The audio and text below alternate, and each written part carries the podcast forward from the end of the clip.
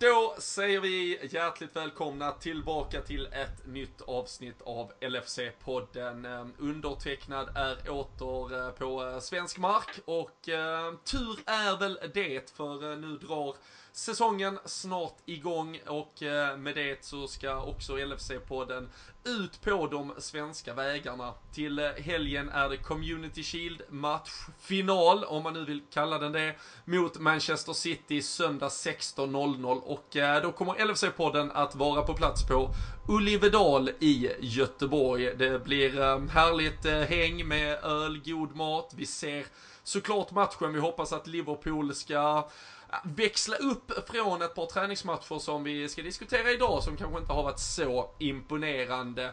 En titel är på spel och eh, säsongen ska igång på allvar. Eh, vi kommer också få besök och eh, främmat där då, finfrämmat framme på scenen i form av Tobbe Hussein. Han är ju delägare till restaurangen och kommer att vara på plats för att eh, snacka om eh, försäsongen som har varit den matchen som väntar där på söndag såklart och så efteråt så pratar vi väl ner både den matchen och så pratar vi framförallt upp Premier League-säsongen.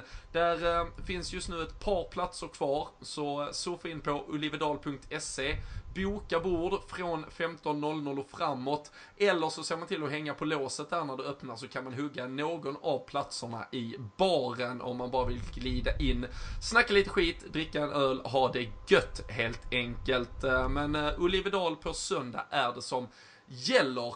Nu så ska jag eh, få eh, fin besök i eh, form av andra härliga herrar här och nu. Jocke Lundberg har också kommit hem från Boston. Och Danne Forsell, vi tror att han har saknat oss i alla fall. Vi ska väl ta tempen på det alldeles strax när vi kör igång veckans avsnitt.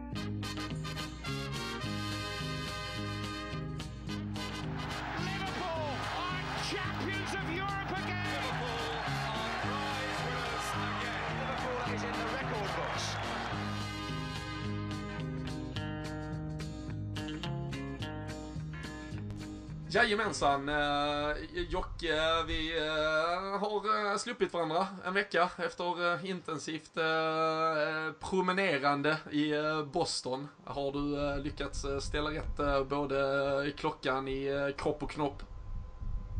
Jag, jag har saknat dig, det kan jag fan lova dig. Och det är tur vi syns i helgen igen som du var inne på där tog ju längre tid att ställa tillbaka för min del än vad jag trodde faktiskt. Det blev ju lite mer jetlag och uh, konstig sömnrytm och sen var man ute och skulle kolla Sporting-matchen och förstörde väl ännu mer. Och sen är jag ju väldigt svag på sömn så jag gick och la mig lite väl länge där när vi kom hem första morgonen. Jag hade fått ditt råd att äh, sov inte så länge, gå och lägga tidigt ikväll istället. Men då gjorde jag ju givetvis tvärtom. Som vanligt när man tar dina råd. Ja, gör om. Du, du sätter alltid din egen touch på, mm. Eh, på råden. Eh, Helt rätt. Själv då? Du var ju halvt död där på planet, var det inte det? Äh, jag, jag dog ju på planet. Jag, ska, jag var så otroligt rutinerad så jag hade ju fixat, så vi hade väldigt mycket benutrymme där. Det är ju skönt när det är lång flight, sitta vid nödutgången. Men de hade fan glömt att täppa igen fogarna på den jävla dörren. Så det var ju snorkallt. Det måste varit minus 76 där eh, när det pikade. Så eh, nej, jag eh, efter att ha värmts upp i typ 40 grader konstant i Boston så fick man ju en jävla kylsmäll där istället på flighten hem. Så jag kom hem med en bra jävla förkylning som jag nu har försökt kurera bäst möjligt. Sen klarade jag väl däremot tid som jag gjorde ju också det. Jag satt uppe där och såg Sportingmatchen. Det var väl fram till fyra på natten ungefär. Sen skulle jag upp på sommarlovsmorgon 06.30. Så eh, då var jag i fas igen. Ehm, så eh, vill man bota jetlag så skaffar man ungar, har sommarlov och så går man och, och tittar på när Mohombi uppträder. Då, då, då mår man. Då mår man igen. Uh, nej, fy fan. Men uh, nu är man återhämtad och stark och som sagt till helgen smäller det igen. Och då får vi även sällskap av Daniel Forsell. Uh, dig har vi ju saknat hela sommaren. Ja, man har ju saknat det tillbaka när man ser det hänga med med Klopp och Henderson och de här gubbarna istället så känner man sig lite utanför i, i sällskapet. Det får man ju säga. Men eh, det är ju gött att veta att när ni väl, när ni väl byter ut en så är det inga dussinlirare ni väljer. Utan det är rätt in i truppen och upp i VIP-logen på Fanway tillsammans med John Henry bara. Så att eh, ja, ja det, jag hade bytt ut er också i det läget. Men uh, du bjöd ju Linda Pisuti till Sverige igen däremot. Fan vad de flyger hit hela tiden. Ja, de, eh, de kanske har något på gång här. Det blir en, ett uppköp av eh, någon eh, klubb på väst eller ostkusten. Nu var det väl Stockholm det sista, så att, eller runt den trakten. Så nu har de kört en liten Sverige runt med den lilla ekan som de kör runt i där. Ja, nej, verkligen. Om någon då missat det så semestrar de ju först där i, i början av sommaren i Uh, bohuslänska uh, skärgården uh, var det väl uh, inledningsvis på uh, mm. västkusten, Smögen, lite annat och nu då som sagt ett par dagar i Stockholm för ägarna där, eller John Henry och hans Linda Pisuti. Kan man följa med lite på Instagram bakom kulisserna. men det är kul att de uppskattar Sverige, vi uppskattar ver verkligen Boston och ehm, Nej men som du nämnde där så eh, fick vi ju chansen att eh, hänga med både Klopp och spelare på den här eh, träningen som var inför matchen mot Sevilla och eh, vi ska väl inte ehm, prata, prata allt för mycket om det här. Det finns ju ett resereportage eh, både i text och ljudform. Eh, scrollar man bara i sin poddlista här så hittar man eh, lite av en dagbok från de där dagarna som vi hade i Boston och sen på LFC.nu så finns det också ett långt eh, reportage i eh, då skriven form och eh, med lite bilder och annat.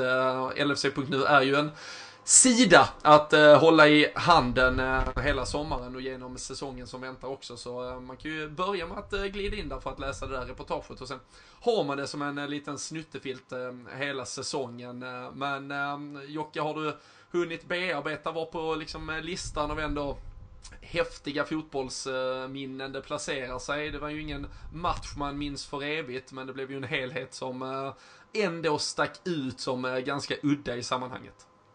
Herregud, eh, vilken tripp det blev. Sex av sex stjärnor är väl det första jag kommer på här när man ska bedöma den. Men som du säger, den, var, den hade allting. Fan med Robin. Det var du som gjorde det. Det var kanske inte det man trodde, att en av ens främsta, de mäktigaste, tuffaste, häftigaste resor skulle vara på en baseballplan när Liverpool spelar. Men uh, den levererade fan på alla fronter. Så när det är sent kommer man glömma det. Väldigt häftigt. Så uh, kul! Ja, nej, verkligen. Då sitter du ändå med två färska Champions League-finaler i, i liksom blodet också plus en hel del annat. Så det säger ju ändå en del om, eh, om vad man fick uppleva i Boston. Ja, det, de tar ju inte de där finalerna kanske. Men de är, den är väl uppe där och nuddar och liksom smeker vid lite. Men eh, där får det stanna. Men givetvis tillräckligt högt för att man ska komma ihåg den. Det var, ja, det var väldigt kul. Var eh, står den sig mot eh, Liverpool-Swansea eh, 23 januari när det står 0-0 i paus, det är minus 16 grader och Kalle Sundqvist säger vi släpper inte in mål i alla fall. Och så släpper vi in tre i andra halvlek. Jocke stod nere på minst och försökte lura, lura till sig bärs i kön där också när vi insåg att det stod... Var det två snabba till? Nej, två snabba. Jag missade båda målen. Ja. Jorente ni gjorde någonting där i, i målform. Jag missade båda målen, det stämmer. Ja, men det, den där... Ja, det är ju klart jag tar ansvar. Det är ju som vanligt. Men äh, den där matchen petar sig undan, äh, petar undan den ganska enkelt. Men det var väl också att rota varje i botten faktiskt. Ja, för fan. Det är ett otroligt deppigt ögonblick. Martin Olsson äh, med stark äh, halvlek Nej, äh, nog om äh, alla de där matcherna. Högt och lågt äh, och fina minnen oavsett. det blir det alltid när man åker och ser Liverpool det som har hänt sedan eh, sist eh, är ju då som du nämner Jocke, den där eh, Sporting-matchen som spelades ett par dagar efter att vi hade kommit hem. Det var ju avslutningen på USA-turnén och igår så träningsspelade Liverpool sen mot Napoli i Edinburgh på Murray Field. Två matcher till då under bältet eh, och nu har man ju börjat se ändå en startelva här eventuellt ta form. Vi kommer ju prata väldigt mycket om vilka spelare som kommer tillbaka i träning från och med idag, hur du den här sista, om man säger lite upploppet inför söndagen och därmed den första tävlingsmatchen ser ut.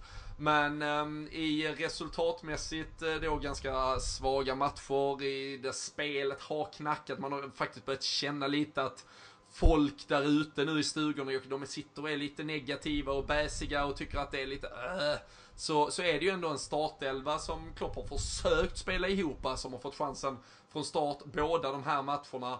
Men, men tyvärr så känns det ju ändå inte, oavsett var man vill slå på domedags, eh, liksom, trumman här, så, så är det ju ändå att spelare som kanske har fått väldigt mycket chans tyvärr inte har tagit den. Nej, verkligen. Och först och främst alla de här spelarna man hoppades skulle ta chansen den här försäsongen av de yngre. Ingen har ju mer eller mindre egentligen gjort det, men så för andra matchen i rad så var det ju någon typ av 4-1 formation som man försökte testa där. Eh, funkar inte riktigt. Jag tyckte först och främst mot Sporting att vi såg att det blottades väldigt mycket bakåt. Eh, att Trent gick framåt och Oxlade blev tillsagd på skarpen av Klopp redan då i USA. Och det blir likadant nu faktiskt här mot Napoli. Eh, Oxlade fick en rejäl hårtork av av Klopp. Där var först Bruno Fernandes i första matchen och sen Insigne nu igår. Så fick avancera och röra sig lite som de ville. Och jag känner väl att ja, försvaret känns ju som att de ligger helt i fel positioner. Och det, mm. det går inte att få igång något anfallsspel överhuvudtaget. Det saknas verkligen den här farten som man hoppas kan, man kan få tillbaka nu när de här lite snabbare, kvickare och smartare spelarna kommer tillbaka. Men det, det är inte bara det. Det är egentligen tempot som man eh, blir lite orolig för. Det är mycket bolltapp. Tempot är dålig organisation bara på målet som Napoli gör 1-0. Det är många slarvfel i backlinjen som sticker ut. Och liksom trist och eh, okreativ anfallsfotboll. Och van Dijk och Klopp ska ju haft och hamnat i luven på varandra där igår. Lite med glimten i ögat efter första målet. Men någonstans säger det väl också att eh, Klopp är inte nöjd alls. Och, eh, jag jag tror att det blir en jävla genomkörare som väntar nu i Frankrike. Jag hoppas det inget annat att det ska spys blod på alla möjliga sätt och kanter. Det krävs en rejäl hårtork. Men eh, sen känner jag också att ja, det kunde varit bättre och eh, resultatet kunde varit lite, lite bättre kanske. Men framförallt prestationerna. Men någonstans så har det varit en lite speciell och unik försäsong. Och jag har inte så mycket eh, liksom, domedagsrubriker redan som många andra som vi kanske kommer till lite senare. Ja, nej för det, det har ju verkligen varit, och det är ju det man känner är Messi. Nu, nu tror jag, alltså det blir ganska snabbt att uh, man uttrycker sig väldigt uh, kort och lite rappt uh, liksom på Twitter. Jag, jag, jag la egentligen ingen värdering i det, jag bara skickade ut en tweet igår, låg, låg riktigt um, bakfull och sleten där och, och såg matchen mot Napoli, liksom bara konstaterade Liverpool är fullständigt usla och det var de ju. Uh, sen la jag inte så mycket mer mening i det, men uh, där var ju folk väldigt snabba på att liksom konstatera, ja men så här blir det eh, när man inte värvar eh, 17 nya spelare och så här är det. De är trötta eh, efter och de är mätta efter eh, Champions League-triumfen eh, och så vidare. Det känns, känns lite, alltså på samma sätt som jag liksom jag blev själv påkommen av att de sa liksom, ja, förra året så, så vann vi med 5-0 mot Napoli till exempel. Eh, just, just fan liksom, det gjorde vi. Men fan inte drog man någon växel över det. Vi har ju minst när vi slog Dortmund med 4-0, vi slog Barca med 4-0. Vi gick ändå in och var pissdåliga sen i vissa liksom, säsongstarter därefter. Så, så resultatet har ju verkligen, alltså det går ju inte att liksom understryka det nog hur jävla lite det spelar någon roll. Och, och så länge ingen av oss är liksom Kornmajors som eh, är vår eh, polare från, från senast, liksom, som har koll på hur den här fysiska belastningen ligger, så, så känns det ju helt idiotiskt att dra någon slut, slutsats av, liksom, av saker och ting. Man ser att ytterbackarna varken orkar riktigt trycka på framåt och de tappar ofta sin gubbe bakom sig när de har stått lite för högt. Och det är kanske, alltså visst, är, det så här det kommer att se ut om två veckor, ja då får vi börja prata om att det är jätteoroväckande. Men det kan också vara att det är otroligt tydligt att, äh, gör vi ett misstag, låt det hända, vi sliter inte ut oss liksom i onödan på att eh, få till saker och ting. Så kan man ju tycka att det är rätt eller fel och så vidare. Och, men jag tror ingen av oss har svaret, så det är väldigt imponerande att se hur många experter det finns ute på Twitter här, Danne, som, som fullständigt, har liksom fullständig koll på var exakt detta Liverpool-laget står sig bara av att titta på hur de spelar de här träningsmatcherna. Absolut, och, och, problemet kommer väl i grund och botten i det här att många tycker att vi sitter i en position nu som Europamästare där vi liksom har chansen att och kanske förstärka på ett sätt som eh, till exempel City kan göra i, i många transferfönster, eller Barcelona eller Real Madrid. Alltså när man sitter på toppen. och då, då tror jag att den, eh, alltså för, för det går ju som du sa, jag skrev nog något liknande efter första 45 att vi var mm, fruktansvärt usla. Och det går ju liksom det går ju att ta matchen för sig som en enhet och säga att vi var ju usla också under den tiden. Men sen får man ju liksom ja, bland allt det då väva in att eh, precis det som du är inne på där egentligen att vi kanske inte tar ut den här sista växeln för att riskera någonting. Och, och vi kanske inte ligger riktigt rätt i fysisk form och sådär. Vi har varit i USA. Ni säger själva hur jobbigt det är med tidsanställningen. Då ska du in och spela, spela match i Edinburgh sen. Och liksom, alltså, det är mycket sådana grejer som man kanske inte tänker på heller. Sen tycker jag väl att jag tror att den frustrationen i mångt och mycket bottnar sig i att nu Många förväntade sig nog när vi vann Champions League att nu kommer vi, vi liksom värva in två, tre världsnamn eller någonting till. Jag, jag skrev själv häromdagen att eh, jag liksom förvånad över att det är så många som slå på domedagstrumman i, i juli liksom. Säsongen är inte ens, eller den är ju igång delvis med försäsong men säsongen är långt ifrån igång i tävlingssammanhang och så är det redan folk som känns som de har gett upp och liksom säger att nu det här laget kommer inte komma topp 4. Och, och, alltså, det blir man bara... Man blir så trött att man, det är bara stänga, stänga Twitter och allt och, och, bara liksom lugna sig ett tag. För där hade man kunnat sitta i diskussioner hela natten känns det som. För det, så riktigt Riktigt illa är det inte. Och precis som du säger, om vi, hade vi vunnit de här matcherna med, med 3-0 och sen börjat dåligt i ligan så är det ingen som hade kommit ihåg det sen ändå. Eh, sen finns det givetvis mycket som ser illa ut men eh, nej, vi kanske inte ska dra för stora växlar om att mm. säsongen är över redan nu i alla fall. Nej och det känns som alltså alla lag, alla supportergrupper går igenom detta alltid. Alltså för det, hade vi vunnit med 3-0 mot Napoli och typ eh, Lalana hade gjort två mål, då hade vi sagt att det var skit för då hade Klopp plötsligt känt att han kan lita på honom. Men det är bara falskt, han kommer inte kunna lita på honom när det väl gäller och så vidare. Så det, Nej, fy fan. Vet, vi... vet du vad de borde göra i träningsmatcher? De borde införa den här jävla regeln som man har Sverige P13. Räkna inte resultat. det är, fy fan, det är det enda man borde göra i träningsmatcher. Det är lite kul för det var ju lika samma scenario där i januari, februari när folk hade gett ut P1 och vi tappade några poäng och sånt. Men sen slutade det ändå med att vi var liksom en poäng för att vinna ligan och vi drog in Champions League-bucklan. Det kommer alltid återkomma det här. Folk blir fan inte nöjda och jag är så jävla trött på det om jag ska vara helt ärlig. Och någonstans så kan jag nog förstå det, för jag tror också det, lite som Danne var inne på, jag tror det är spår av tidigare upplagor. Alltså vi har haft den här chansen förr att kunna sparka igång något jävligt intressant med alltså Rogers och Rafa sista dagar. Istället har det kommit in skit eller ingenting alls. Folk har varit med om det, speciellt i vår yngre generation, att vi inte har tagit den här jävla chansen att kicka igång och det har bara blivit misslyckande. Sen tror jag kanske inte det blev bättre heller av idag Klopp som var ute och uttalade häromdagen att om vi ska göra en stor värvning så måste vi sälja den istället. Och det är också någonting som spinner vidare på det. John Henry var ute dagen innan eller efter Madrid i sa att eh, liksom, äh, vi ska investera i sommar för att gå för Premier League-bucklan. Och det var liksom, folk glömmer inte det. När allt det här som bara spins på på en jävla boll som bara rullar. Och det är inte bra från klubben, eller Henry, eller Klopp, eller vem det är heller, att de har gjort de här uttalandena. Men sen, alltså någonstans, Liverpool har återigen sitt bästa lag på kanske 30 år. Liksom. Klopp har gett oss någonting varenda säsong och tidigare så sa alla det som behövs är att vi ska förstärka försvaret. Vad kom in då? Det var det Alisson och van Dijk och sen skulle vi vara klara. Liksom. Även ytterbackarna förbättrade sig då. Men fan, folk måste chilla lite. Jag vet inte vad ni, tyck, vad ni tycker här, men jag blir så jävla trött på Nej, men för två månader sedan var det liksom Champions of Europe och bla bla bla. Och nu har folk bara domedagstänk och redan gett ut innan vi har sparkat bollen på allvar. Ja, nej, nej jag, jag håller med. Alltså, det man, man, känner ju att man, eh, fan, man stå, snart står man lite offside här så man brukar ju själv kunna vara den som är lite eh, negativ. Men man insåg ju det redan förra säsongen när, liksom, var, var man kanske, alltså skillnaden på hur eh, realistiska målsättningar man ändå har. Alltså jag tyckte ju det,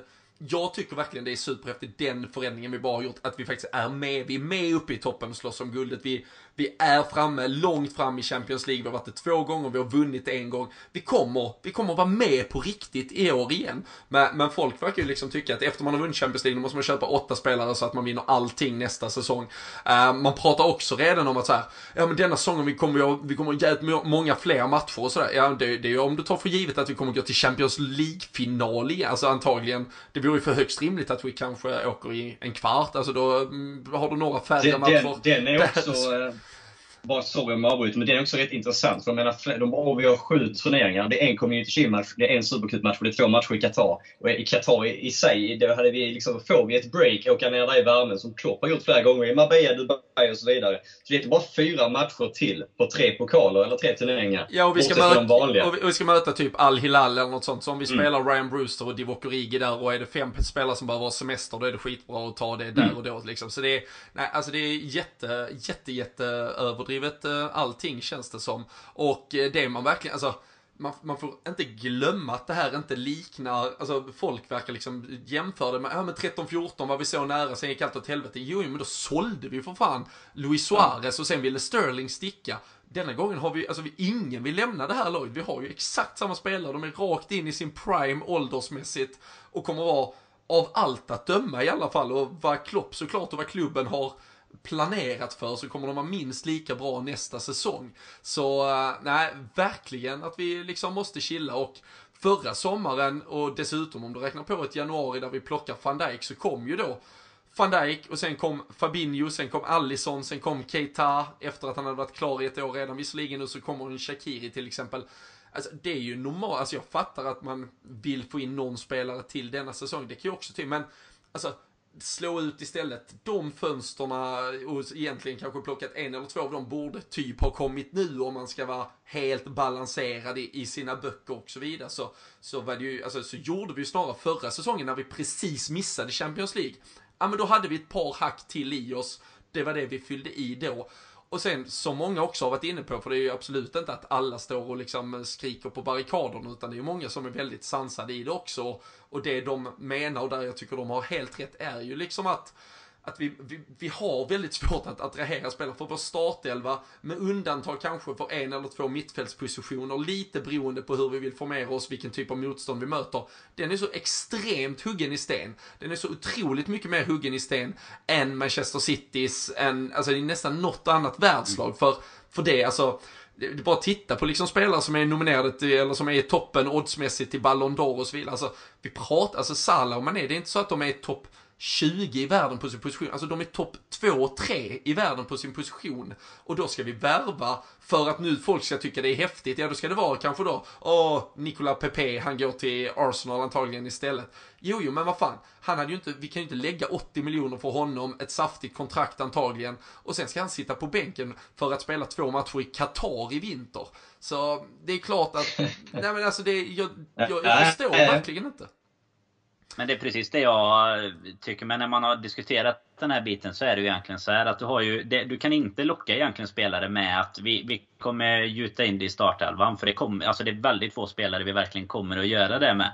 Och då kommer vi direkt till den här diskussionen igen att okej, okay, då, då vill de ju komma av någon annan anledning. Och vilken anledning är den vanligaste att man går till City? Det, det finns väl två kanske. Dels då att de är, titelfavoriter i många, men den stora anledningen är väl att de får brutala löner helt enkelt. Även om du sitter på bänken. Och det kommer ju inte riktigt hända hos oss. Tyvärr. Eh, eller tyvärr behöver man inte säga, men tyvärr för spelaren i fråga då. Och precis som du är inne på då Robin, så lägger man ju kanske inte 80 miljoner pund och sen eh, dessutom en, eh, en riktigt saftig lön på en spelare som man inte ens är säker på dels kommer vara gjuten från startelvan. Men sen vet man ju inte heller vad det blir. Alltså titta på på Keita, nu ska man väl inte liksom sätta fiaskostämpel på honom eh, för denna säsongen redan. Men jag menar, titta på om du värvar in en sån spelare för, för 80 miljoner och han eh, dessutom hamnar utanför laget. Liksom, och det är inte så lätt att slå sig in.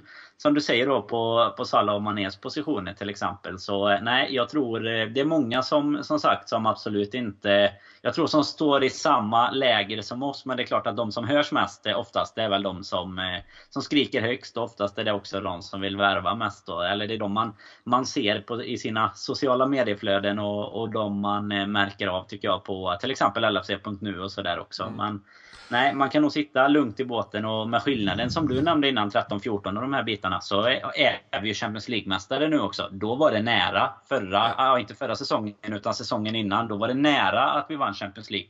Nu vann vi Champions League. Nu har vi liksom tagit den här titeln som var så viktig för Klopp att bygga vidare på. Och allt handlar ju inte bara om att, att köpa nya spelare utan alla blir ett år äldre, alla har rutinen med sig att de har vunnit en Champions League och det, nej, det kommer bli skitbra ändå. Ja, och man måste komma ihåg att även de här lagen som köper en hel del spelare, de, de säljer ju ofta nu, alltså de, det är inte så att folk bara bygger trupp, alltså det är inte så att du går från att ha 25 spelare i truppen till 30 och sen 35 och 40, 40, alltså då släpper du ju någon och det, ja, alltså återigen där, då är, ja, då är det kanske då en en, en ytter, då kanske du egentligen då ska släppa en eh, Shakiri till exempel. Säga, kan vi då uppgradera han så otroligt mycket? Så det är, jag tycker man ändå får titta lite, eh, fan man får vida spektrat lite här.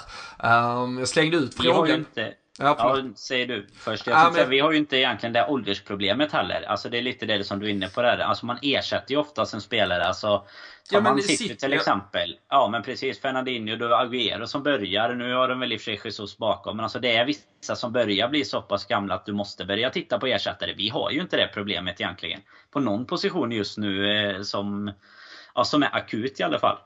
Nej, nej, absolut inte. Och där tittar man så sitter det är ju i stort sett Rodri de har plockat in och han ska ju ersätta Fernandinho och så bra som Fernandinho har varit för dem de senaste åren. Rodri kan vara hur jävla bra som helst men att City skulle liksom ta 7-8 steg fram i sin utveckling för att de, alltså det kommer de inte göra för Fernandinho har varit helt jävla vital för det laget. Och, eh, ja men lite, alltså jag tycker man ser samma sak i, i de flesta lagen eh, egentligen. Att du, ja man släpper någon, man ersätter någon där man kan liksom tweaka det lite och få upp en, eh, en procentenhet hit och dit så är det såklart jättebra. Uh, uppenbarligen så har ju i alla fall Klopp, eh, Michael Edwards och, och ledningen inte sett just nu att man kanske realistiskt till exempel kan hämta en Bruno Fernandes. Vi får se vart, vart han bär av. Han spelar ju för Sporting mot, mot Liverpool. Gjorde ju ett mål på bjudning av Mignolet. Sen hade de ju en träningsmatch till några dagar senare. Då gick han av gråtande som verkar väl vara något form av statement på att han ska vidare i alla fall. Eh, men eh, vi får se vart eh, han väl landar upp. Men nej, jag slängde ut frågan på Twitter tidigare idag här om man kommer vara nöjd med Liverpools trupp även om det inte kommer in någon ny värvning. Då är det 30% som ändå tycker att den är grymt stark. De är alltså väldigt nöjda. 46% som nej, inte riktigt. Uh, och sen 24 som uh, inte alls är nöjda och de tycker att den håller inte mot eh, uh, Cities helt enkelt. Och det får väl ändå vara en måttstock som vi går upp emot. Uh, Jocke, om du hade suttit och uh, klickat i något av alternativen, vad hade du valt där ändå?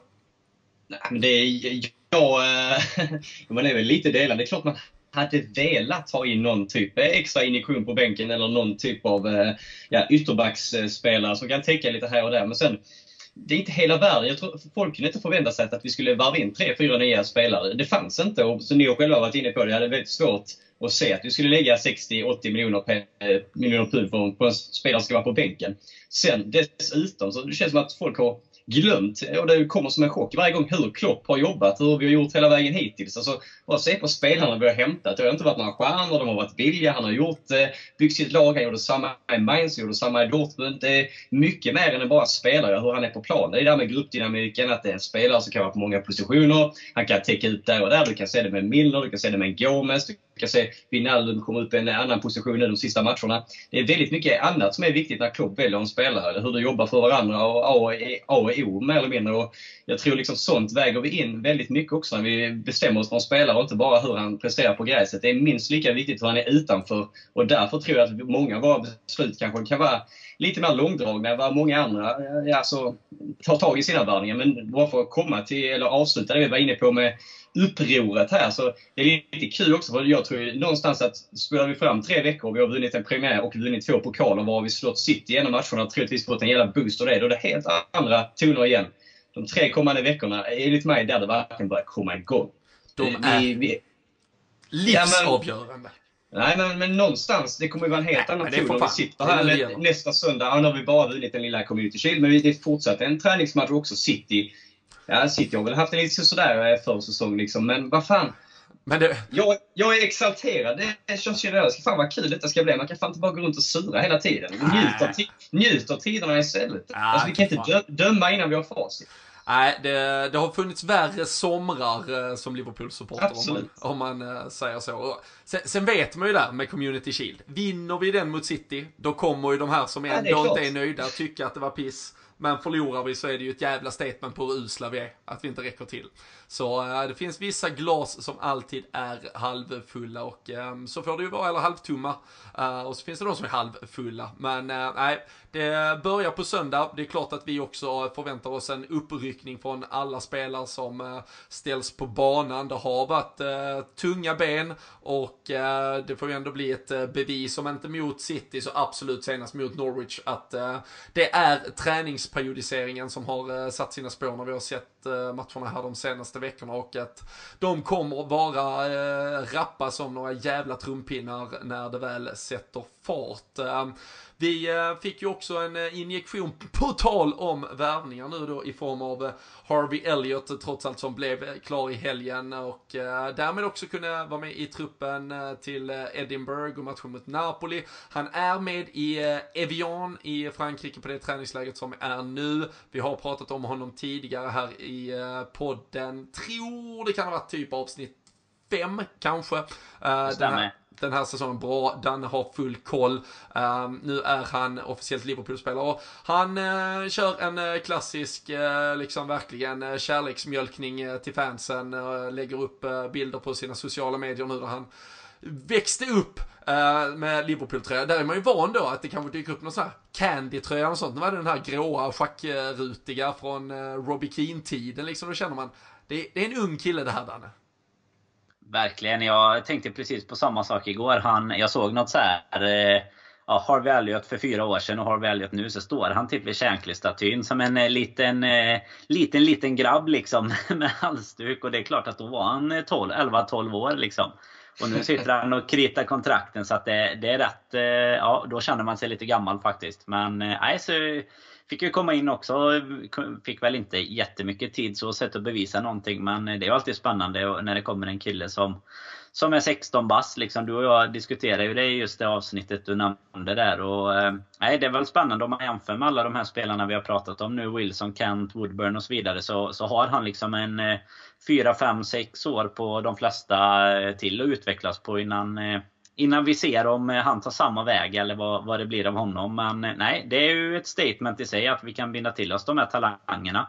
Inte bara värva världsspelare som ska in i elvan utan eh, det är ju givetvis stort för klubben att, kunna knyta till sig de största talangerna på marknaden. Både brittiska och om man tar Sepp van den Berg också när han kom in. Och det är klart att alla kommer inte bli någonting men då kanske de säljs vidare för ganska bra pengar istället. Som som i sin tur kan leda till, till något bra med. Så att eh, det, det är liksom ett bra hjul att ha snurrat igång ja, tycker jag. Med... Ja, det, går, det går inte i alla fall att vara negativ till de här två värvningarna. Nej, men folk, folk, han vill ju inte gå in och läsa eh, de mentionet som var när han, han blev eh, presenterad i alla fall. För folk blir bara lacka på att det inte kom någon ja, Pepe eller Fernandes istället. Men det är som du säger, det, jag tror inte att det är någon som kan sura för de här. Det är ju fantastiskt fint. Ehm, en som kanske däremot eh, kan vara eh, lite besviken och eh, som, inte för att det är uttryckligen just en ersättare på så sätt, men det verkar ju också betyda att ens vars dagar är räknade är Ryan Kent. Ehm, liknande position och spelstil kan finnas vissa påminnelser mellan de två spelarna ändå. han var ju på ett lån till Steven Gerrard i Glasgow Rangers förra säsongen. Han har varit med här i början av förra säsongen men har nu lämnats eh, utanför truppen senast, eh, följer inte med på träningslägret här eh, nu heller. Det har pratats lite om en sjukdom och det brukar vi veta att det betyder ungefär att han är två minuter ifrån att skriva på för ett annat lag.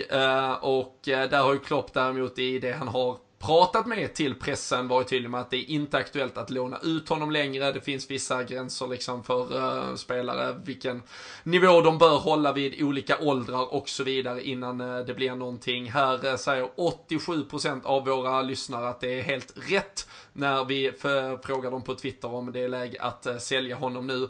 Ehm, Jocke, jag ehm, räknar med att du håller med majoriteten här också. Nej men eh, absolut, bara, bara för att återknyta till det ni sa där om eh, Elliot. Han har ju verkligen ålder på sin sida och det har ju även många av de andra yngre som har florerat nu under försäsongen som Lewis, Laucci, eh, Hoover, Duncan, Glatzell. Alla de här har ju åldern på sin sida och de kommer ju få fler försäsonger och matcher och utlåningar och, och så vidare som kan forma dem. Men just Kent är ju en av de spelarna som verkligen behövde göra den här sommaren. Och han har ju faktiskt inte visat ett enda dugg om du frågar mig. Så eh, nej, bara skippa iväg. Enkelt, koncist. En av spelarna som inte fick förstöra våra tröjor och kepsar när vi stod och tog autografer i eh, Boston. Ja, det, jag vet inte vad, vi låtsades som det regnade som man brukar säga. Nej men eh, om vi ska vara lite ärliga, tyvärr, han har inte, verkligen inte visat någonting enligt mig. Han har varit vissa löpningar, han hade väl han var väl lite involverad i början när vi var på engelsk mark i några av matcherna, men det, det räcker liksom inte. Det är samma egentligen med Harry Wilson. Alltså, han hade lite högre förväntningar kanske, liksom dragit in de där frisparkarna, varit lite mer framåt och utmanades på sin kant. Men eh, det, när det väl gäller, du, du måste i de här små marginalerna som man alltid pratar om fotbollen, det är det som avgör. Tyvärr har inte någon av dem tagit den. Nej, så är det. Um, tre spelare ytterligare som uh, nu då från, uh, från USA-turnén eh, och de här inledande försäsongsmatcherna Eh, klipps av när eh, truppen då, ja den bantas ju inte för den blir faktiskt större för det tillkommer ju väldigt många namn istället, det ska vi komma tillbaka till. Men Curtis Jones, Nat Phillips och Ben Woodburn, eh, även målvakten eh, Daniel Atherton, eh, de eh, kapas bort. Och eh, där känner man väl att Curtis Jones, eh, också för att återknyta till att ha åldern på sin sida, är den som eventuellt har en, eller kommer ha en framtid. Han har varit eh, väldigt, väldigt bra för ungdomslagen och har all sannolikhet och möjlighet att fortsätta bevisa sina framfötter. Men det känns ju som att både Nat Phillips och Ben Woodburn är uh, over and out. Uh, tr fan, trötta jävlar känns det som. Det blir inget av dem. Eller vad säger ni? Nej men det är väl känslan att de har stått på samma punkt och stampat nu i i två, tre år i alla fall. Alltså man ser ju dem oftast mest under försäsongerna. Sen eh, blinkar det förbi en notis om de har gjort något bra i, i ungdomslagen så sett. Men eh, nej, som sagt, det känns inte som att de har tagit de stegen som Jocke pratade om där heller. Om man jämför med vissa av de andra spelarna som är, är liksom två, tre år yngre. Och det är klart, då, då har du andra spelare som kan stå på tillväxt istället. Det är ju den krassa verkligheten som är en toppklubb som Liverpool. Att du kan inte, kan inte riktigt stå och stampa på samma ställe i två, tre år. I, framförallt inte i den kanske kanske viktigaste åldern där. För då, då ryker du kanske till Championship eller någonting sånt nu istället. Om ens det kanske för vissa faktiskt. Mm. Jocke, om vi eh, stänger ner Det är ju en eh, sista eh, försäsongsmatch kvar nu mot Lyon på onsdag. Det blir ju ändå någon form av, vad ska vi säga, första slutgiltiga test. För det ska ju ändå spelas tävlingsmatch på söndag där mot Manchester City. Men sen får man väl då ändå understryka att den matchen går att delvis använda för att eh, få ihop laget helt och fullständigt inför fredagen eh, därpå när det är premiär mot Norwich i Premier League. Men när eh, försäsongen och alla de här matcherna där spelare har fått chansen till höger och vänster, där vi nu har fått se kanske en hel startelva i första, en hel i andra. Spelare, unga som gamla, har blandats, satts ihop in och ut i laget. Um, är det någon spelare, om du bara en, två eller tre, du tycker har stuckit ut som du, som du ändå känner har visat eh, liksom, eh, sig med, från sin bästa sida och är det någon spelare utöver, nu nämnde du Ryan Kent till exempel, eh, någon annan du tycker har liksom, nej, det, det, det här var nog sista gången jag såg dig i den här tröjan. Nej, men det är ju Woodburn som ni var inne på och håller med också med Curtis Jones. Han var ju en av dem som verkligen tog chansen att skapa och våga utmana. Alltså, du behöver kanske inte bara göra mål, men ta för dig lite. Och det är det som de tyvärr inte har haft i sig. De man kanske förväntar sig mest av. Av de yngre så är det båda ytterbackarna, Lewis och Larucci. Det var synd han åkte på skador. Han var dock med i truppen nu i, i eh, Evian här, men kanske inte kommer till spel. Eller troligtvis inte. Det var bara med för erfarenhet och kanske lite lättare träning. I övrigt så är det väl Brewster som Ändå får vara den. Trots att jag ändå tyckte han försvann lite nu i de matcherna här. Han spelar ju bara 88 av 270 minuter i USA. När det väl var lite tuffare motståndare försvann han lite, men fortfarande bara 19 år gammal. Och tycker att han har någonting i sig som sticker ut. Eh, liksom i rörlighet och löpningar. Och han verkar mogen och verkar ha mycket i sitt game. Alltså det är inte bara att han är snabb eller han är teknisk. Han verkar ha mycket annat också. Sett i några mål han gjorde. Så det blev väl Brewster för min del. Sen en annan positiv grej för man, om man ska skrapa på ytan under den här försäsongen. Det kanske inte är så lätt, men det är väl typ att Oxlade har fått, Oxlade Chamberlain fått lite extra minuter, men det finns ju mycket, mycket jobb kvar att göra. Vi ska inte glömma att han var borta ett helt år innan han nu väl kom, kom tillbaka här. Eh, det är väl det jag, ska man tro, liksom, det är väl det jag känner. Sen är det tråkigt med Kleinskadan där om man bara ska flika in den. För vem vet vad vi hade för tankar med honom. Det är ju förlust för, för alla parter egentligen. Både för spelaren, för oss och för en försäljning. Det ryktas om Crystal Palace där med 10-12 miljoner i värdering. Så tråkigt för alla parter, även om man hade stannat eller inte. Men det är väl det som jag sammanfattar liksom för säsongen. Ja. Klopp har ju också varit uh, ute där, vi kan ju säga det vad gäller Kleinskada, att det var, det var inget som förändrade något läge. För ifall nu någon satt och tänkte, ja men då kanske vi värvar någonting där i alla fall. Han sa uh, i alla fall vad han då utåt sett kommunicerar i alla fall bara att det var inget som påverkade några planer vad gäller vad man hade tänkt värva. Så det, det kan ju också vara så att eh, tanken snarare var att han skulle någon annanstans och att vi hade räknat bort honom eh, så att säga. Och att då är det ju snarare pengar in vi eh, just nu går miste om. Så får vi hoppas att han kommer tillbaka ännu starkare eh, när han väl är kurerad. Men eh, lär ju missa hela kommande säsong eh, som eh, det verkar just nu. Har eh, nyss eh, fått genomgå sin operation och eh, börjar en lång rehabilitering. Ehm, vad gäller Oxley där som du är inne på så är det ju jättebra och kul att han har fått eh, minuterna, matcherna, förhoppningsvis inga jättestora setbacks. Eh, när vi var i, Boston ehm, då trodde man ju kanske inte att han skulle spela mot Sevilla för då tränade han ju inte alls där dagen innan. Han gick runt och bara latchade och snackade och skrattade och hade det gött men kom till spel sen så det har säkert också varit en väldigt annorlunda försäsong för honom kan jag tänka mig. Eh, att gå in på den arbetsbelastningen som det innebär med försäsong allmänt och eh, med eh, Jürgen Klopps tränarteam i, i synnerhet kanske. Man ska ju förbereda sig för liksom löpning som ska liksom ske på så hög intensiva steg under en hel säsong att det säkerligen kan komma, alltså det finns ju väldigt stor risk för liksom förslitningsskador och att man inte riktigt klarar trycket om kroppen inte är, är liksom fullt äh, återhämtad inför det. Um, så, så det viktigaste där måste ju nog vara just att han när nu matcherna kommer och när tempot någonstans stabiliseras visar att äh, kroppen orkar allt detta. För jag tycker han har sett i, i spelet, äh, framförallt de två senaste matcherna, så har man ju inte alls fått ut det man har velat av honom. Um, och det är väl egentligen bara om man tittar på något sätt offensiv. Det är ju Divock Origi som har gjort sina mål, både mot Sevilla och Sporting visar han liksom eh, riktiga sniper-tendenser. Han är i boxen, han trycker dit den när chansen väl ges. Um, tycker jag man kan orda kanske för att James Milner och Gino Wijnaldum är de som har hållit lite kvalitet offensivt och liksom få någonting att hända eh, med bollen. Mittfältet i övrigt har haft stora problem känns det som Dan och att vi, det har ju och, och det är ju också det då som har spett på kanske varför man känner att man borde få in något mer och något mer kreativt. Även om då som sagt en Keita han har inte ens varit med, en Shakiri vet vi kan spela i en 4-2-30 uppställning som han gjorde förra året också. Så uh, vi har ju också alternativ i truppen men det känns som att där har det saknats någonting för att ändå blodtörstande fans ska vara helt nöjda.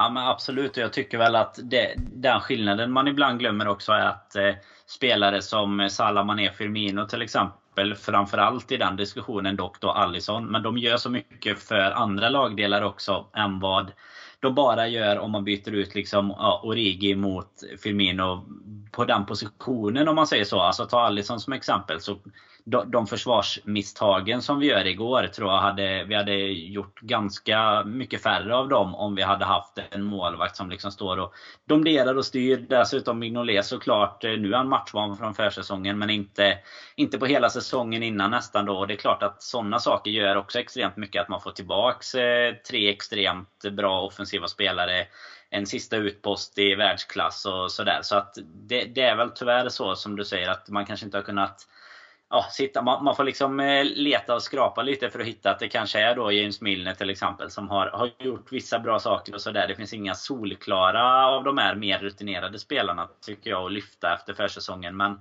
med det sagt så eh, tycker jag fortfarande inte att vi drar för stora växlar. Utan jobba fitness, får in våra världsstjärnor här med tyvärr en extremt kort försäsong. Men eh, förhoppningsvis får det räcka för dem och så, så kommer det ändå göra väldigt gott för laget. För eh, det är som sagt, vi har saknat väldigt mycket kvalitet där och eh, försäsong är ändå försäsong. Så att, jag tror att man kan stänga den och ändå utan att vara för orolig. Men det är klart att det är det som spär på. Att det ser att det har sett eh, illa ut på plan.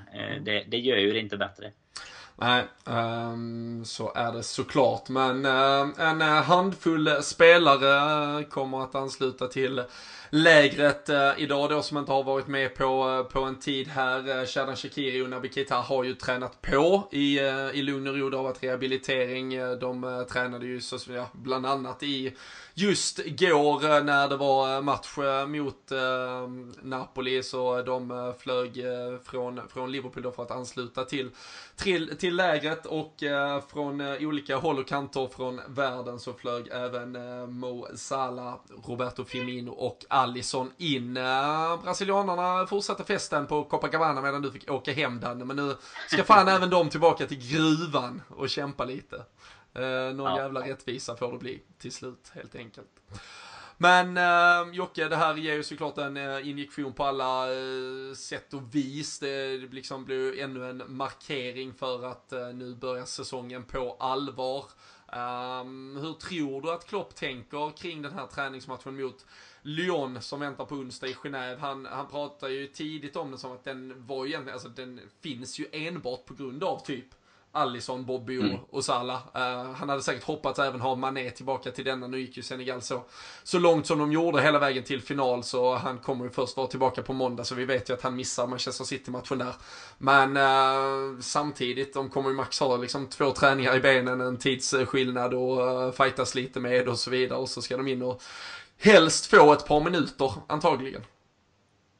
Nej, men det, man hade väl velat få in alla de spelarna man hade, om man hade kunnat. Men jag, jag tror nog faktiskt inte någon av dem går in från start faktiskt. Det beror ju på status där på Shakir och Kate är lite närmare. Men jag, jag tror Max blir en 15 10, 15, 20 minuter på eh, de eh, nytillskotten. Så man vill säga, jag tror det blir samma elva eller gubbar som florerar av, av den bästa elvan. Om man får säga så som vi har sett nu i de här två matcherna. Sen att de inte har levererat riktigt. Men skulle kanske också kunna vara att eh, liksom, sista chansen för kanske en Harry Wilson. Där ligger en, ett möjligt bud på och knackar eh, på bordet. Så kanske att han får chansen. Kanske att de rör runt och inte kör den här 4-1-4-1 formationen som inte har sett så jättebra ut i alla fall. Eh, det har ju läckt väldigt mycket bakåt att de gör om någonting formationsmässigt. Eh, Bruce då kanske kommer in, men annars, annars tror jag det blir de som startar mot eh, Napoli här. Mm. Hur uh, tror du där Dan med alltså, de här minuterna de kommer hinna få och sen då om vi börjar blicka fram mot en Community Shield-match som väntar till helgen. Uh, det är såklart kanske önsketänkande att vi ska, man ska få in alla de här. Är det några av spelarna du ändå känner bör uh, med ren fingerspits uh, ligga, ligga närmare till hands för att kunna vara aktuella för att spela uh, och liksom göra så liksom 70-80 minuter redan på söndag? För att få just en injektion. City har ju lite samma situation med ett par landslagsspelare också, ska vi såklart komma ihåg. Ja, absolut. Ja, men det alltså, jättesvårt att säga. Man vet ju inte vart, eh, vart de ligger i, i liksom eh, fitness och sånt. Men jag tror väl, eh, ärligt talat, förutom att man i och för sig ser att Firmino dricker riktigt gött med bärs på sin semester, så tror man ju att de, de håller igång så pass bra även då känns det ju som. Som att de skulle väl kunna göra liksom ett par minuter kanske redan nu i, i sista träningsmatchen då. Och sen ja, men faktiskt göra i alla fall, ja, jag skulle säga i stort sett att allihopa borde kunna vara igång och spela. De har ju dessutom haft så extremt kort semester. De har ändå spelat i samma, alltså lite som vi var inne på innan då. Nu har vi ju inga nyförvärv att anpassa oss efter och sådär heller. Går in och spelar i, med samma typ av spelsätt i samma lag. Liksom, och tror som sagt att de är så pass eh, sådana praktexemplar fysiskt att de faktiskt eh, kan göra ganska bra redan eh, nästa söndag. Sen redan på onsdag dock. Det tåls väl att, att se kanske om om de kommer igång redan där. Det, det blir hård träning nu ryktas det om i alla fall. Ja men precis. Vi får, vi får väl se om den är hård eh, i form av att de verkligen ska slita eller snarare kanske att det är lite eh, liv och eh, död för spelarna som vill ta en plats i, i truppen. Kanske lite mer. Klopp pratar väl om, var det Massive och var det Moment? Nej, Jocke, du har suttit och analyserat presskonferenser här. Ah, det var väl att det var den viktigaste träningen eh, som gällde nu helt enkelt. Eh, massive eh, training var det väl om vi ska ja, översätta det. Det var inte mycket mer än så egentligen eh, faktiskt. Nej, men det, det, är klart att det här är eh, superviktigt. Framförallt då från spelarna som eh, kanske balanserar mellan en eh, trupp och en bänkplats och även spelare som balanserar även på gränsen till truppen som helhet. det finns väl absolut en överhängande chans eller risk, hur man nu vill se det, vilken sida av myntet man står och slår på, att någon spelare också ska ska, ska lämna här. Som sagt, en Harry Wilson kan där ju hända saker kring, även om Eh, det säkert kan vara trevligt att ha honom i truppen. Men eh, det är också ekonomi som eh, ska gå ihop ifall man kan få in ett superbud på honom. Jag Känslan är ju i alla fall att eh, alla de här fem kommer att få minuter eh, mot eh, Lyon. Egentligen så är det ju nä nä nästan mer alltså, svårsiat kring en Shakiri och en Keita. Det har ju varit väldigt, väldigt tyst kring deras skador och deras rehabilitering och exakt var i processen de är. Um, det, vi kanske får se dem spela eh, uh, 70 minuter eh, uh, redan, liksom, redan på onsdag. Uh, men det kan också vara att vi bara får se dem i, i tre minuter och att de egentligen är väldigt mycket längre ifrån formen än någon annan. För tittar man annars på Allison, Salah och Firmino så är det ju liksom tre spelare som, som faktiskt bara, de var ju fullt friska när deras, även om det var en lång säsong, tog slut där med deras landslag och sen så har de haft bara semestern och eh, liksom säkerligen utöver ett par brasilianska eh, långa nätter för Firmino på, på stränderna och på festcabanas eh, runt om i landet så, så har det säkert eh, tränats en hel del. Han brukar se till att hålla formen ganska så väl i alla fall. Det är inte som en annan som bara kör bärsen på semester. uh, men uh, annars känns det ju som att de tre kan gå in, rent fysiskt i alla fall, från start mot City på, på söndag. Och då får man ju liksom, alltså då är det ju plötsligt en uh, målvakt som uh, just nu är bäst i världen på, på plats. Det är en backlinje som på många sätt och vis var den mest imponerande i hela Europa hela förra säsongen. Eh, vi kommer kunna ställa upp ett mittfält i eh, likhet med mittfält som vann stora, stora matcher i Champions League under hela våren och sen är det egentligen bara en Sadio Mané som saknas och, och då kommer det att finnas antingen en Origi, eventuellt en Oxlade i en offensivare position, en Shakiri om han nu är frisk och så vidare. Så så den där liksom känslan av att allt är var åt helvete för sådär 24-48 timmar sedan kontra vad det kanske är på söndag. Den, den, är ju ganska stor. Det var någon som skrev ganska roligt på Twitter att det var ryk, det ryktades nu om att Liverpool inte bara hade en utan fyra spelare på väg in i startelvan till ett värde av 5 miljarder kronor. Uh, och uh, det var ju de spelarna som vi har saknat här de här senaste veckorna. Så, så där ligger ju någonting i det och man hör ju direkt när man liksom börjar prata startelva och börjar nämna de här namnen att det är ett jävla fint lag vi, vi har och eh, det är ett jävla fint lag vi kommer att ha. Sen får man lov att önska att eh, liksom, spelare 13-14 var bättre än vad de eventuellt är. Det, det tror jag alla lag alltid önskar. Det finns till och med sjuka jävla City-fans som önskar att de hade bredare och starkare trupp kan jag lova. För det är så det funkar att vara fotbollssupporter. Men eh, med det här laget så, så tycker jag ändå att vi har alla chanser att eh, både beta av City snabbt här och sen få en flygande start på säsongen som eh, väntar kort eh, därefter. Eh, och på lördag Danne, då är vi i dina, eller söndag, lördag kommer vi dit, men söndag så smäller det. Då är vi i dina traktor och kollar det här, ja, förhoppningsvis ändå häftiga mötet mellan Liverpool och City. Det var ju en tid sedan man var med i Community Shield-final, men man kommer väl vara sådär reptilhjärnig och tycka att det här är asfett direkt det väl blåser igång tänker jag mig. Och eh, vi vill väl att eh, folk ska vallfärda till Olivedal för att göra oss sällskap. Det tycker vi absolut eh, att man ska göra. Och det är såklart vi ska upp och lyfta den här eh, tallriken på söndag också. Det är ju som, som du nämner där, man, eh, alltså den här reptilhjärnan som går igång då. Det, nu har jag hela tiden sett framför mig att det är, den, det är där liksom tävlingssäsongen drar igång. Oavsett nu om man tycker att att det är någonting att ha eller inte så vill man ju alltid hellre vinna en sån match än att förlora den. Och eh, det finns givetvis de som antingen tycker att om vi vinner så, så är det skit och förlorar vi så är det ännu mer skit. Men eh, nej, det är kickar säsongen igång både för eh, Liverpool i stort och för eh, podden eh, också får man väl tycka i och med att vi samlar ihop i stort sett allihopa och framförallt ett väldigt stort antal lyssnare och kanske sådana som inte lyssnar men börjar lyssna efteråt förhoppningsvis. Eller skiter i det om vi, om vi inte är trevliga. men, nej, det kommer, det kommer bli riktigt grymt. Vi får hålla Jocke på lite halster bara. Men nej, det, det, får man väl säga att det är lite i sista minuten den här så finns det ju, det finns några platser kvar vet jag att du har vaskat fram. Så att eh, det finns fortfarande chansen att, att gå in på livedal.se och boka. Men det kommer bli grymt. Det är ju bara att dra igång säsongen. Det, vad väntar vi på egentligen? Ja, så är det. Eh, matchstart eh, 16.00 på söndag. Eh, man kan boka bord på olivedal.se från 15.00 om man vill ta sig något att käka innan. Vi kommer vara uppe på scen och snacka upp matchen en stund där innan och sen efteråt dyker kanske upp i halvtid och så efteråt så snackar vi ner matchen och sen snackar vi upp säsongen som väntar då och på riktigt, riktigt allvar drar igång mot Norwich. Eftersom vi har Jocke med oss så kompenserar vi med Tobbe Hussein också så att det blir någon jävla kvalitet och underhållning för folket som eh, kommer dit. Men eh, det är bara att boka bord eh, och eller så kan man dyka upp i dörren. Då är det först till kvarn och så får man försöka hugga en plats i, i baren och, eh, och hänga där. Men det är alltså ingen eh, bokning i övrigt eller någon avgift. Eh, så det är helt gratis att dyka upp och vara med och ha en trevlig eftermiddag på söndag. Ehm, kanske man har semester fortfarande. Då är det ju riktigt jävla gött att njuta av några söndagsöl och lite fotboll. Det blir en härlig dag i alla fall på alla sätt och vis. Och den, sen när säsongen väl drar igång då är det fantasylaget som ska vara ihopsnickrat och klart. Jocke har börjat ge sig in i matchen kan jag meddela. Så, en liten Twitter-beef idag ju. Ja, du stoltserade med din analys på flyget till Boston. Och eh, jag kunde inte vara mer inne. Det kanske var det som gjorde mig sjuk. Att det var så dålig presentation.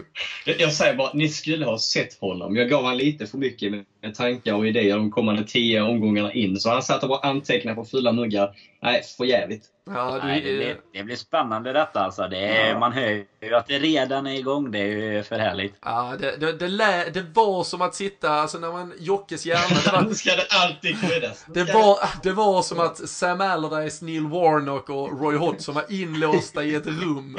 Och bara satt och knackade ihop en startelva där. Men äh, nej, det, det blir spännande att se. Ni hör, beefen är igång. Ge er in i den. Se till att ni är med i LFC-poddens liga. Där äh, ligger en tweet äh, från idag. Där man kan ta del av den koden som gäller för att hoppa in. Och så tänkte jag försöka fjäska lite för våra vänner på Sam Dodds. Så att de kan slänga in lite schyssta priser här under säsongens gång Eh, något eh, slutpris till vinnaren ska det såklart vara och eh, så kan vi säkert ha lite spurtpriser när, när man känner att man behöver det. Kanske när jag ligger för långt efter och behöver få igång maskineriet lite grann.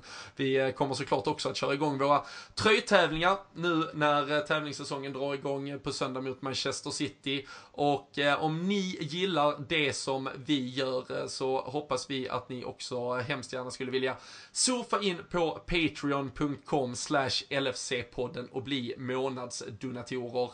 Två dollares eh, kostar det. Vi är nyss hemkomna från USA och det var väl typ eh, 19 spänn ungefär. Man är inte stark på dollarkursen nu, men två ynka kanske man ändå kan avvara. Så lovar vi att fortsätta göra väldigt många avsnitt, arrangera så många roliga saker vi bara kan. Vi hoppas att många av er som lyssnar dyker upp på söndag så ses vi då. Säsongen ska nu igång på allvar och ja, till nästa gång så får ni ha det så bra där hemma. Tack för att ni lyssnar. Ha det gott.